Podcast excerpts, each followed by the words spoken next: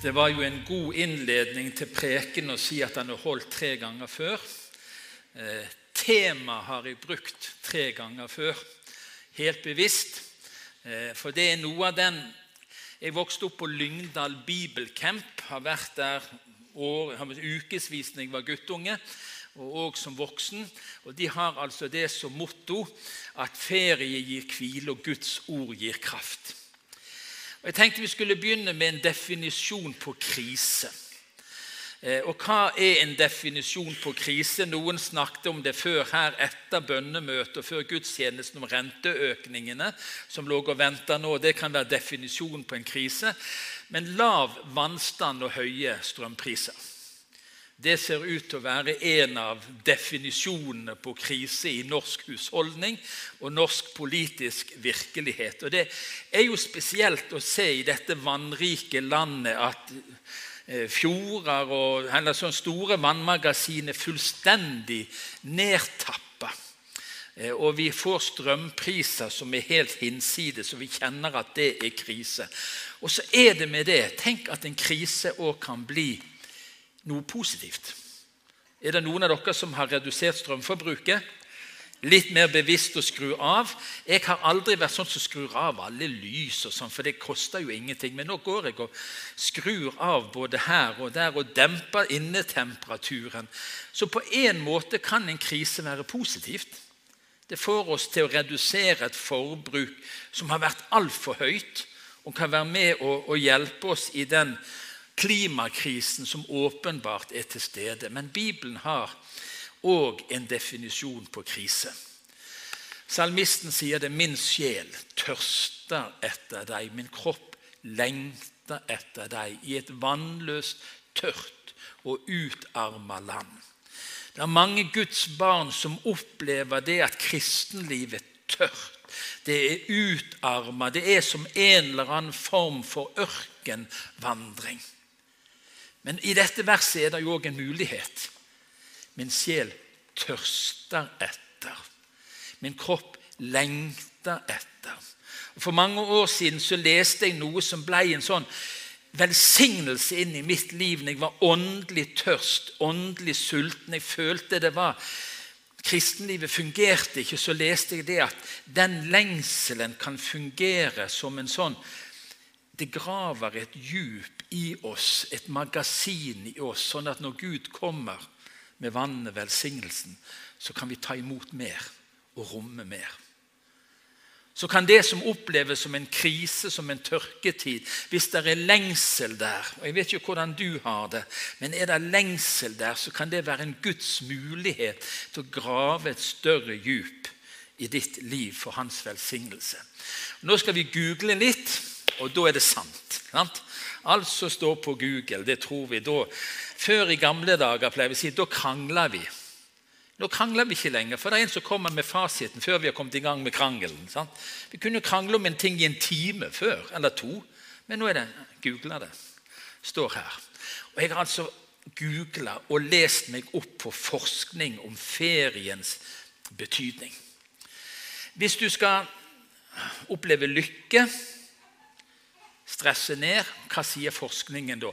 Og Jeg visste ikke at det var noe som het en turismeforsker. Etterpå skal dere møte en stressforsker. Og Han heter altså Jens Christian Sten Jacobsen.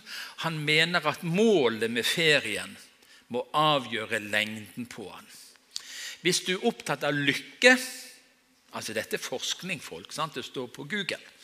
Så vil det ofte være best med flere korte ferier. Tok du den? En uke nå, og så jobbe litt. En uke da, og så jobbe litt. En uke da, og så jobbe litt. Da oppnår du lykke. Jeg er ganske lykkelig. Eh, jeg vet ikke om jeg Nei, det har, det har ikke vært så mange sånne korte ferier ennå, men vi får se.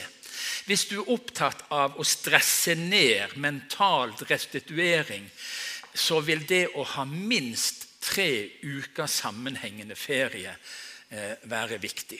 Altså Hvis målet er å stresse ned, finne roen og balansen, ikke opptatt av så mye lykke, så, så må du altså ha en sammenhengende ferie.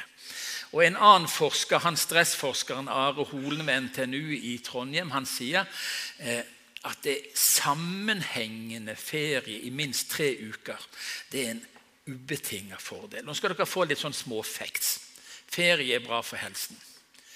En lengre årlig ferie reduserer hjerteinfarktrisiko med 50 Tok du den? Så hvis du er i risikosonen, ta lang ferie. Eh, minst tre uker. Og så kvinnene blir mer fornøyd med ekteskapet. Mannfolk. Og det var noen som, Jeg, jeg antyda dette på bønnemøtet. Det var noen som sa ja, amen med en gang. Altså, hvis du, Happy wife, happy life. Sørg for god, lang, sammenhengende ferie. Blodtrykk, hjertefrekvens og antall stresshormoner reduseres allerede etter én til to feriedager. For en velsignelse ferie Og så leste jeg en spennende finsk forskning. Og jeg liker forskning som har gått i mange mange år. Dette var en som hadde forska i 40 år på en gruppe mennesker. Dette var folk som var eh, født på 20-, 30-, 40-tallet, og som hadde travle, stressende arbeidssituasjoner. Og det som var likt, det var at de var opptatt av kosthold. De var opptatt av å eh, gjøre en god og skikkelig jobb, og de trente mye, disse folkene. Det var noe som var felles. Men det var en stor forskjell på dødeligheten. Og det som forskningen sa, det var at skikkelige ferier reduserte dødsrisiko. Så jeg reiser snart. Jeg blir vekke lenge. Jeg har tenkt å leve en stund til. Fordi, og det, De, de forsto ikke forskningsresultatene, fordi alle andre parametere var så like på denne gruppen de hadde forska på i 40 år. Men det var en stor forskjell i dødsraten på dem. Og så fant de nøkkelen. De som si, tok skikkelig ferie, levde lenger. Trenger du flere argument for ferie? Du kan bare google dette. her. Jeg gir deg ikke kontaktinformasjon, for, for da begynner du å sjekke sånn skikkelig. Det som er tekstordet denne søndagen, har levd i meg i kanskje to måneder. Det er sjelden at et bibelord hekter seg så fast kommer igjen og igjen. Jeg har delt det i mange sammenhenger, både med staben og andre steder. Og Nå skal vi altså til 2. Mosebok, kapittel 13 og vers 17. Der står det For her på seks dager skapte Herren himmelen og jorden. Men den sjuende dagen hvilte han og pustet rolig ut. Nydelig. Jeg blir begeistret. Jeg kunne bare stansa der og bare det står om Gud, han som skapte alt det vi ser. Hele verden, alt det som fins her. Gud skapte. Det må ha vært litt av en jobb. Og så står det at han hvilte og pusta rolig ut. Og Nå kunne vi holdt et foredrag om pusten. Det kan du òg google. Betydningen av hvordan pusten fungerer. Men tenk, vi har en Gud som puster rolig ut. Det er en hemmelighet i hvilen. I skapelsens rekkefølge ligger det et evangelium skjult for oss. Et godt budskap skjult for oss. I første Mosebok kapittel 1 og fra vers 26 så skaper Gud mennesket. Så skaper han litt mer, og så kommer den sjuende dagen. Mennesket er skapt av Gud. Og Gud så på mennesket. Det var, det var såre godt, det han hadde skapt. Hva kom etter den første dagen? Etter menneskets første dag. Da kom hviledagen. Før mennesket begynte å arbeide, før mennesket begynte å dyrke jorden, før mennesket begynte med det forvalteroppdraget Gud hadde skapt oss til, hva begynte vi med først? Hvile. Hviledagen kom før arbeid. Og nå er det noen som kanskje burde skjerpe seg litt her. Hvordan er vårt liv blitt? Vi arbeider og sliter, og så endelig søndag. Jobber og bruker masse krefter. Endelig ferie. Gud skapte oss først til relasjon med Han. En hvile i hans nærhet. Vi ble ikke skapt først og fremst for å arbeide, men for å være i Guds nærhet. I Norge har vi noe som heter helligdagsfred. Og nå For noen uker siden så jeg oppslag i nyhetene at noen hadde klagt på en nabo for han kjørte grasklipperen på søndagen. Altså, der er, en, der er en fred, der er en hviledag gitt oss, som ligger i selve skapelsens rekkefølge. Vi er skapt til relasjon før arbeid. Og det er ikke sånn at vi skal måle og jobbe oss for fullstendig utslitt, og så skal vi puste ut. Nei, målet er hvile og få styrke og motivasjon til arbeid. Gud har gitt oss gode ordninger. Sabbaten, hviledagen, står det om i andre Mosebok, igjen, si et av disse budene som han ga oss. Der er en dag du skal holde hellig. Det er en dag som skal være annerledes. Det er en dag du skal hvile ut. Og jeg tror vi lever i et samfunn hvor alle dager blir skremmende like.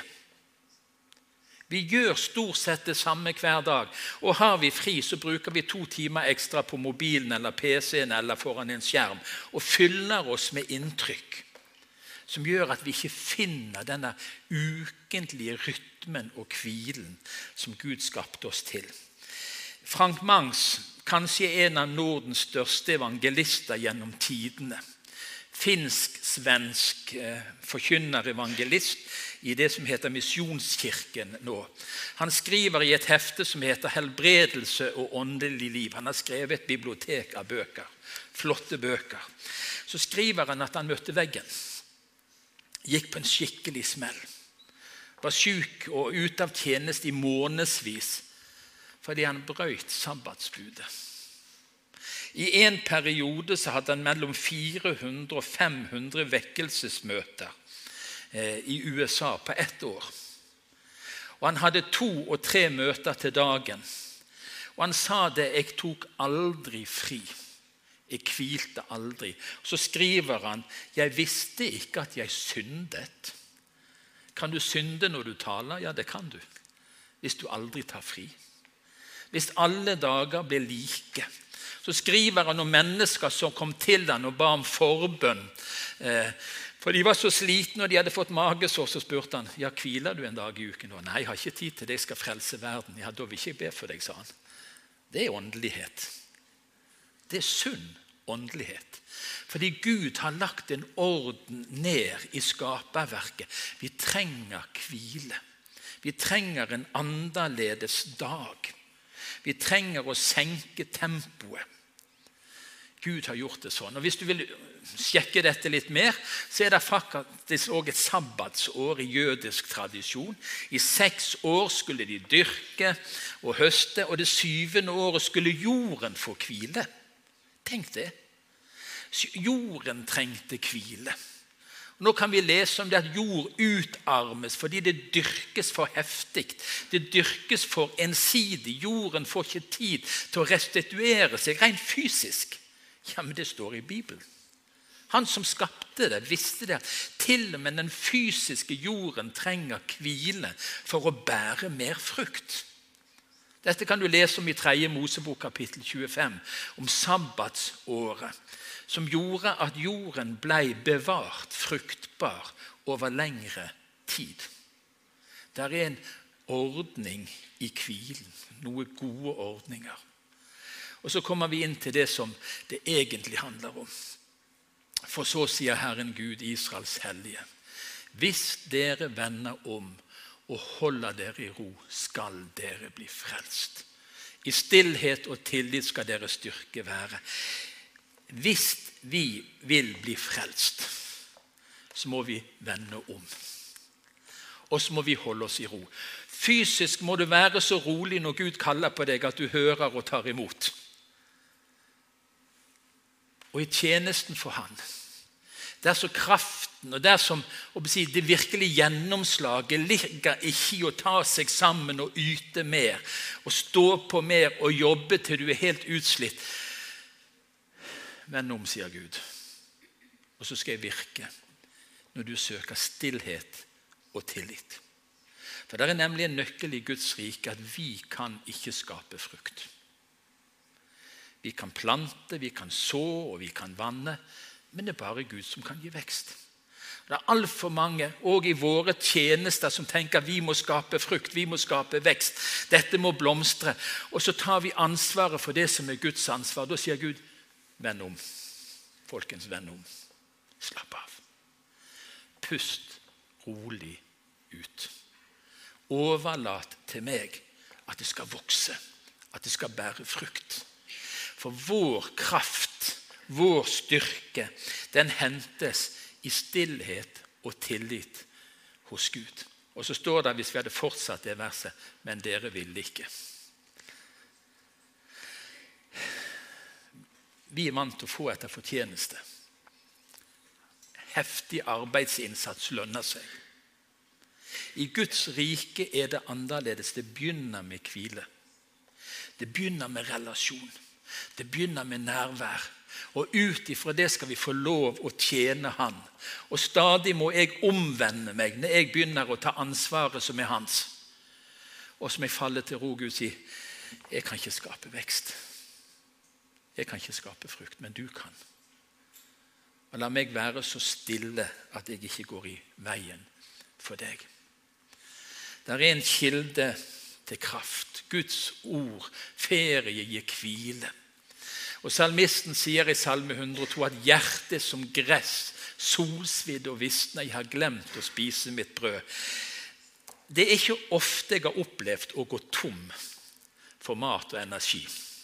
Jeg pleier å være flink å få inn det jeg trenger, pluss litt til. Men jeg husker en gang jeg skulle gå en skitur oppe på Haukeliseter. Og plutselig var jeg fullstendig tom. Det var nesten så det svartna. Og jeg tenkte jeg klarer ikke å løfte foten for å ta neste steg. Jeg var fullstendig tom av energi. Og dere som har små barn i huset, enten det er barn eller barnebarn, har dere sett når unger blir fullstendig apatiske uten energi?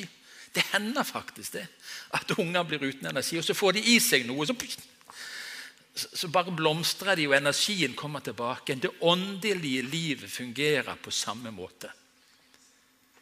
Vi kan miste vår kraft.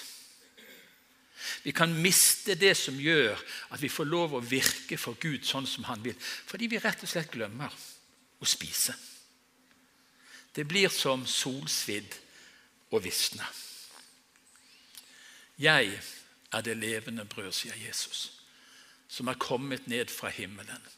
Den som spiser av dette brødet, skal leve til evig tid. Vi hadde ikke planlagt nattvær i dag. Men jeg satt og forberedte meg og leste dette avsnittet og litt mer i Johannes kapittel 7.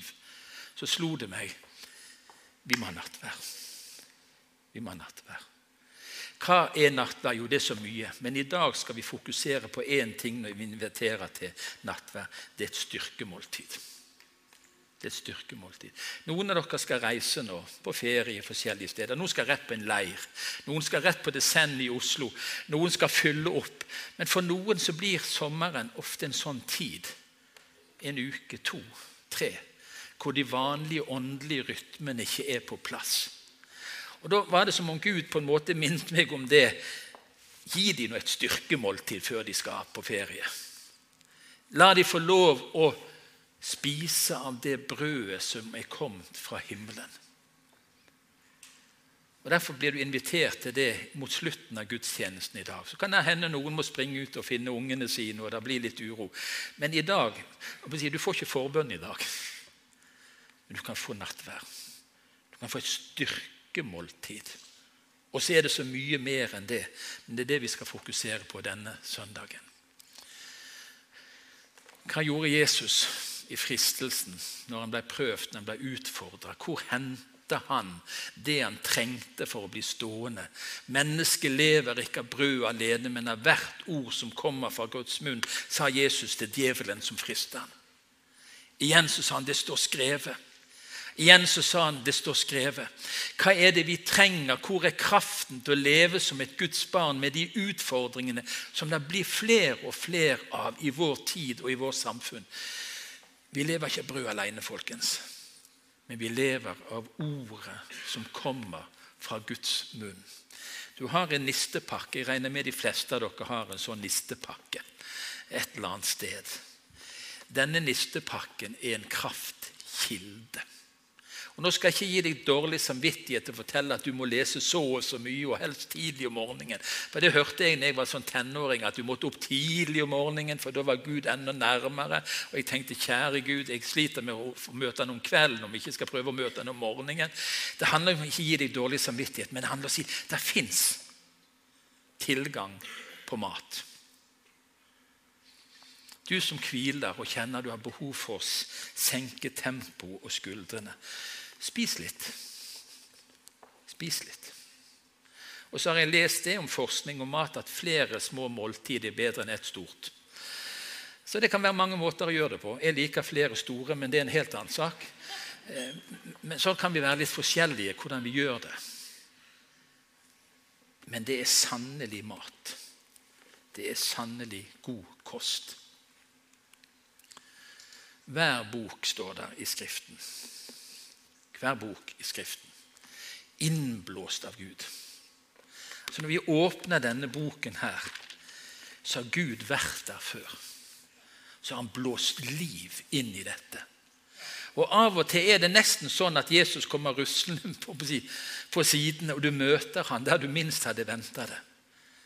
Så er det et eller annet fordi han har blåst liv inn i disse bøkene, inn i Skriftene.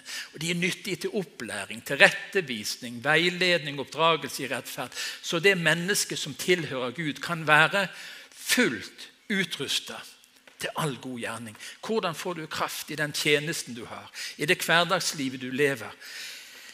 Et av de sikreste, beste stedene å være, det er å spise. Sunn mat. Dette er sunn mat. Av og til er det irriterende, for av og til så tenker jeg hvem visste det om meg som står her? Jo, Gud visste jo det. Av og til avslører det. Av og til oppmuntrer det. Av og til forfrisker det. Av og til smaker det å, bedre enn det beste du vet. Av og til kjenner du det er akkurat et knekkebrød klokken seks om morgenen og smaker omtrent likt. Men det gjør sin gjerning. Det gjør sin gjerning. Og til slutt vi er sånn stilt som kristne. Vi er bedre stilt enn vi tror. Jeg husker når vi fikk innlagt vann på hytten vår. Vår straff som små unger det var å hente vann i bekken. Og Det var ca. 100 meter å gå fra hytten ned til bekken. og så to bøtter, og så var det opp, og så var det ned igjen. To bøtter. Og så kjøpte far en pumpe på Bryne rør. Så fikk vi liksom litt vann inn sånn enkelt. Og nå, nå er det skikkelig vann. Og du, hvor deilig det er. Du som kristen, du har innlagt vann. Du er bedre stilt enn du tror. Gud har tatt bolig i deg ved sin ånd. Og Det står allerede i Det gamle testamentet et løfte om tiden som ligger foran i profeten Jesajas. Herren skal alltid lede deg og mette din sjel i det tørre land. Han skal styrke kroppen din så du blir som en vannrik hake, en kilde der vannet aldri svikter. En kristen har fått innlagt vann. Den hellige ånd har tatt bolig i oss. Gud sjøl har tatt bolig i oss. Og det skal være en kilde i oss som veller fram. Det er fantastisk. Og Går vi til si, Jesu ord til oss, på den siste dagen i høytiden, den store festdagen, sto Jesus fram og ropte. Den som tørster, skal komme til meg og drikke. Den som tror på meg, fra hans indre skal det, som Skriften sier, renne elver av levende vann. Dette sa han om den ånden som de, de som trodde på ham, skulle få. Ånden var ennå ikke kommet, for Jesus var ennå ikke blitt herliggjort. Men vi har feira pinse som en påminnelse på at ånden har kommet. Du er bedre stilt når du reiser på ferie nå. Det er ikke sånn at alt ødelegges fordi du ikke skal gå på gudstjeneste en uke eller to eller tre eller fire. Du har innlagt vann. Den hellige ånd bor i deg. Gud sjøl bor i deg. Og ånden kom for å minne oss om alt det som Jesus hadde sagt og Jesus hadde gjort. Han skal ta av mitt, sa Jesus, og gi det til dere. Han skal åpenbare. Og best du går der en feriedag og steller i hagen og slår plenen eller finner på om du skal male en vegg eller noe, så kommer Den hellige ånd og minner deg om noe. Henter fram næring, henter fram et bibelord, henter fram en tanke som gjør at du kjenner det lever. Det fungerer. Amen. Og så har han lovt hvis dere blir i meg, og mine ord blir i dere, da be om hva dere vil, og dere skal få det. For ved dette blir min far æret at dere bærer frukt, mye frukt, og blir mine disipler. Jeg ønsker dere en god ferie, folkens. Gjør sånn som Gud. Pust rolig ut. Og når du puster rolig ut, gjør sånn som Jesus sa. Pust inn. Spis. Gjerne et lite måltid innimellom sånn at du holder det ved like. Og Går der en dag uten, så får du be Ånden om å komme. Ånd, må du vinne meg om noe jeg har lest, sånn at det ikke tørker ut dette. For du er i meg en kilde. Du bor i meg som en kilde. Og gjennom det blir Gud æra ved at vi bærer frukt. ikke er det et fint liv? Det er ikke vårt verk. Det nytter ikke å streve, det nytter ikke å stresse. Folkens, Vend om. Vend om. Bli stille. Og be om at Gud kan gi deg den erfaring at i stillhet og i tillit skal din styrke være. Bare i parentes, hvis noen misforsto, jeg snakker ikke om latskap. Altså, hvis, du, hvis, du, har liksom helt tenkt oh, wow, yes, vi har lov å late. Det er ikke det vi snakker om i dag. Gå, da leser vi fra Bibelen gå til mauren du late og bli vis. For du finner ut det. Det er ikke latskap vi snakker om. Vi snakker om hvile. Du er skapt til relasjon. Du er skapt til hviledag i Guds nærhet, og så til tjeneste. Det er bare Gud som kan gjøre at vi bærer frukt, skal vi be. Herre, takk for hvilens evangelium. De gode ordningene du har gitt oss som gjør at vi skal slippe å stresse og streve og kave. Takk for at kristenlivet ikke er en ekstra byrde. Nei, du sa 'Kom til meg, alle dere som strever og har tungt å bære, og jeg vil gi dere hvile'. Og Nå ber jeg helt konkret for vi som er samla på Fredheim i dag, og de som følger oss på skjerm. La den ferien som ligger foran, bli en ferie hvor vi hviler. Puster rolig ut. Samtidig som du får lov å puste inn ditt liv i oss. Gjennom ditt ord og ved din ånd, som er blitt i oss en kilde som veller fram til evig liv. Amen.